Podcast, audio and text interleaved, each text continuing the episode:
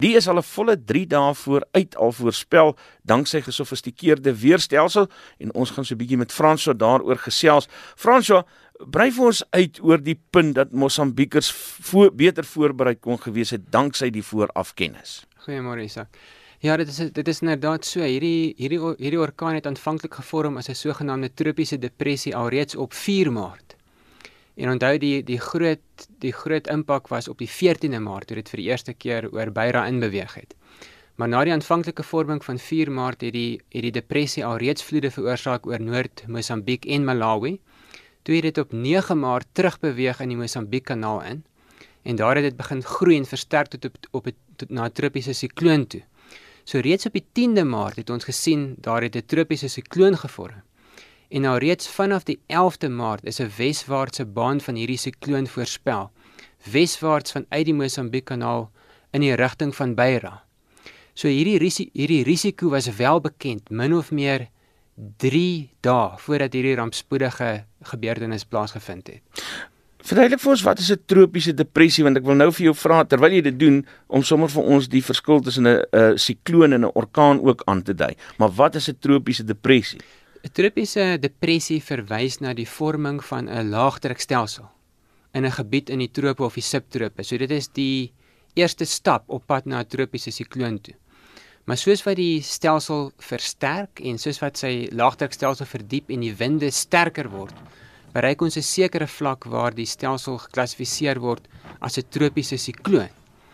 Nou hierdie spesifieke stelsel het uiteindelik 'n intense tropiese sikloonstatus bereik wat beteken die wind waai in die gemiddeld by tye teen so 160 km/h.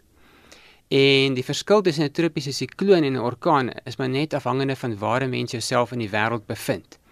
So hier in ons deel van die wêreld in die suidwestelike Indiese Oseaan verwys ons na tropiese siklone en in die Noord-Atlantiese Oseaan, hierdie hierdie siklone wat die Amerikaners bereik, nou hulle word verwys na orkane. Hmm. So hierdie intense tropiese sikloon wat ons hier beleef het, is eintlik ekwivalent aan 'n sogenaamde kategorie 3 orkaan. Dis hoe dit genoem sou gewees het in die Noord-Atlantiese Oseaan.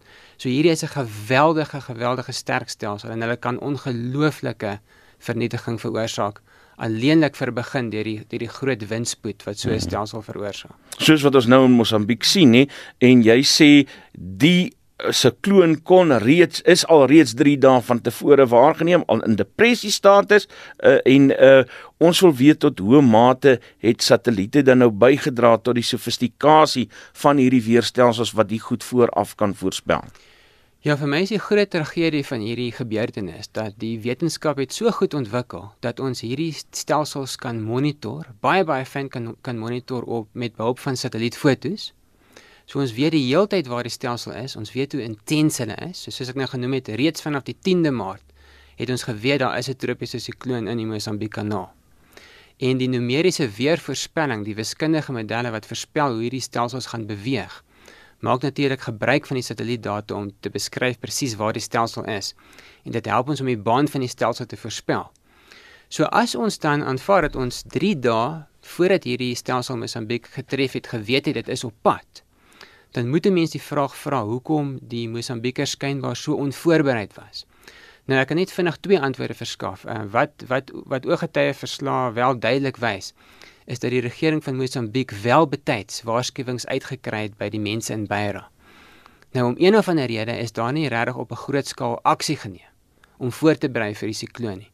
Een een groot rede hiervoor is miskien omdat dit so moeilik is om 500 000 mense in Beira vinnig te verskuif. Mm. Ek is nou nie 'n kenner in daardie veld nie, maar kyk as 'n groot sikloon op pad is na die ooskus van Amerika, dan word 10 duisende of selfs honderde duisende mm. mense betyds geskuif. Ehm um, dalk is dit glad nie prakties so so moontlik in Mosambiek nie. Maar ek dink wel die weermagte van die Suider-Afrikaanse lande kan op 'n mm. veel beter grondslag wees. Ehm um, as ons weet dat so 'n rampspoedige gebeurtenis uh 3 dae die toekoms in gaan plaasvind. En dan natuurlik seker die grootte, weet ons hoe groot hierdie die area is wat hierdie sikloon getref het. Ja, nee, die sikloon se baan en hoe diep dit in die binneland in beweeg kan ook in 'n groot mate voorspel word. So in hierdie spesifieke geval hierdie sikloon 'n gebied van vele honderde vierkante kilometer geaffekteer, duisende vierkante kilometer in der waarheid. So dis omtrent die hele sentrale Noord-Mosambiek, as ook die noordoostelike gedeeltes van Zimbabwe en aanvanklik ook uh, die suidelike gedeeltes van Malawi wat geaffekteer is. En oor, oor hierdie reusagtige gebied het reënval totale van 200 meter tot 200 mm tot 600 mm voorgekom in in 'n periode van omtrent 3 dae. So die luisteraars sal net kan dink uh, wat 'n geweldige vloede natuurlik volg as mense reënval van daardie hoeveelheid kry in net 'n paar dae se tyd. En dan natuurlik dat baie van daai plekke afgeleë is en moeilik is om mense in die hande te kry. Maar hier's 'n stukkie kommerwekkende nuus en dit is dat julle waarsku dat kategorie 3 tot 5 orkane meer dikwels in die suidwestelike Indiese Oseaan gaan voorkom. Hoe weet julle dit? Hoe seker is julle uh, van dit wat julle voorspel? Hierdie is eers 'n resultaat wat wa wat wêreldwyd waar is. So ons monitor nou al die toestand van die atmosfeer en die voorkoms van tropiese siklone min of meer sedert 1980 met behulp van satellietdata. So ons het die eerste satellietfoto's begin kry so in 1980. So die rekord is nie so lank as wat ons graag sou wou hê nie, maar ons kan nogtans sien dat daar 'n statistiese neiging is vir die baie groot siklone, die sogenaamde intense siklone om meer gereeld voor te kom terwyl die totale aantal siklone wêreldwyd interessant genoeg besig is om af te neem. Nou hierdie resultaat het 'n kollega van my by Wits Universiteit ook onlangs bevind is ook waar vir die suidwestelike Indiese Oseaan. So omdat die atmosfeer geleidelik besig is om al hoe warmer te word as mhm. gevolg van die probleem van globale verwarming, is dit eintlik baie eenvoudig om te verstaan hoekom dit so is. Daar's eenvoudig baie meer hitte beskikbaar in die atmosfeer. Baie meer energie beskikbaar om baie sterk weerstelsels op te bou. Hmm. En die die resultaat wat hiermee gepaard gaan is dat ons sien dat wanneer 'n sikloon voorkom, veroorsaak dit ook meer reënval as in die verlede. Nou hierdie tipe studies is nog net gedoen in die Noord-Atlantiese Oseaan, maar hierso is daar alreeds bevind dat wanneer 'n kategorie 3 tot 5 orkaan vandag voorkom, hmm. veroorsaak dit alreeds omtrent 10% meer reënval as wat dit veronderstel is om te veroorsaak, omdat dit soveel warmer is en omdat die stelsel soveel meer vog binne die stelsel kan kan kan hou wat dan uiteindelik um, val as reënval. Frans, dis nou 'n interessante punt wat jy maak dat daar minder siklone is eh, en ek wil net gou vir jou die volgende vraag net te probeer verstaan want ons weet dat uh, siklone die resultaat is van 'n uh, verwarming en dat dit as dit ware 'n manier is hoe die aarde haarself afkoel. En nou sê jy maar nou gaan daar minder wees. Kan jy dit dalk vir ons probeer verduidelik sodat ons ouens wat dit wat nie so slim is soos jy dit makliker kan verstaan? Ja nee seker ek dis dis so effens tegnies maar as gevolg van klimaatsverandering vorm daar in die subtropiese gedeeltes van die wêreld. So dis nou in die gedeeltes van waar ons woon tussen die trope en die hoër breedtegrade meer gereed groot hoëdrukstelsels.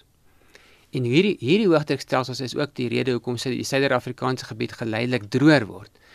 Maar hierdie stelsels onderdruk die vorming van siklone in die algemeen. Maar wanneer die siklone dan wel reg kry om te vorm in hierdie warmer omgewing, is dit baie intenser as in die verlede. So hierdie energieverspreiding wat die siklone wêreldwyd noem waarna jy nou net verwys is, is steeds aan die werk, is steeds aan die gang. Maar dit word gedoen deur 'n kleiner aantal groter stelsels eerder as deur 'n groter aantal hmm. kleiner stelsels. So as ons nou van Mosambiek praat eh, waaroor dit die onderwerp nou vanoggend handel, met hoeveel gaan siklone in Mosambiek byvoorbeeld toeneem per jaar? Ongelukkig is die wetenskap nog nie goed genoeg om daardie getal presies vir, vir ons te gee nie, maar op die oomblik het ons min of meer so een tropiese stelsel wat nou die depressies, die laagdrukstelsels en die siklone insluit per jaar. En die belangrikste resultaat wat ons op die oomblik sien in ons projeksies is dat hierdie getal uh, geleidelik toeneem. Ehm um, daar's twee daar's drie veranderings daar's drie veranderings wat belangrik is. Die eerstens eh, die eerste een is 'n meer gereelde voorkom van kategorie 3 tot 5 intensiteitsiklone oor die suidwestelike oseaan. Meer reënval wat voorkom per sikloon en dan wat baie belangrik is vir Suid-Afrika word daar ook geprojekteer dat hierdie stelsels geleidelik meer suidwaartse bane kan volg. Dit is ook moontlik. So dit beteken dit is dit is nie meer onmoontlik dat 'n stelsel van hierdie intensiteit 'n plek soos Maputo kan bereik of dalk selfs so ver suid as Richards Bay in Suid-Afrika kan beweeg nie. Praat gou met ons oor daai Richards Bay. Watter impak gaan dit op uh, Suid-Afrika hê en spesifiek die verwysing na Richards Bay is 'n interessante een. Ek noem spesifiek Richards Bay want hierdie tipe gebeurtenisse het reeds ten minste een keer in die verlede voorgekom. En baie luisteraars sal miskien onthou van sikloon De Moina wat in die jaar 1984 geweldige vloede veroorsaak het in Swaziland en ook in die noordoostelike gedele dele van KwaZulu-Natal, ook in die Kruger Wildtuin. Hierdie was 'n sikloon wat die suidelike gedeeltes van Mosambiek bereik het. Dit was 'n swak stelsel in vergelyking met Idai. Maar dit het nogtans in 'n in 'n in 'n bestek van 2 tot 3 dae 700 tot 900 mm laat val oor gedeeltes van Swaziland, die Kruger Wildtuin en noordoostelike KwaZulu-Natal en geweldige vloede veroorsaak wat byvoorbeeld Richard Bay afgesny het van Empangeni. So hierdie tipe gebeurtenisse het al voorgekom in ons land, maar as gevolg van klimaatsverandering raak die waarskynlikheid daar dat dit kan gebeur in die toekoms groter. Is dit net klimaatsverandering waaraan dit te wyte is? Die geleidelike verandering in hierdie weerstelsels kan uitsluitlik toegeskryf word aan mensgemaakte klimaatsverandering. Kyk, hierdie stelsels kom duidelik voor as deel van ons natuurlike klimaatstelsel. So daar is al terug aan die 1800s die die voorkoms van siklone aangeteken vir ons streek. Maar klimaatsverandering en globale verwarming is die proses wat meer energie verskaf aan hierdie stelsels sodat die intense stelsels geleidelik al hoe meer gereeld begin voorkom. Dis die stem van professor François Engelbrecht hy is eh, by die Wits Globale Veranderingsinstituut. Hy het vanoggend met ons gepraat oor die sikloon Idai wat onlangs in Mosambiek uh, getref het. Daar is geen verkeer. In Gauteng in Alberton was daar 'n botsing op die N12 Oos naby die Voortrekkerweg afrit.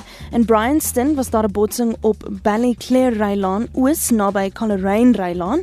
En in Bedford View is daar druk verkeer op die N12 R24 Wes op albei roetes in die rigting van die Galulies wisselaar. En dan in KwaZulu-Natal in Durban is daar ewige verkeersknope op die Hans Detman Hoofweg in 'n noordelike rigting deur die Marion Industriële gebied.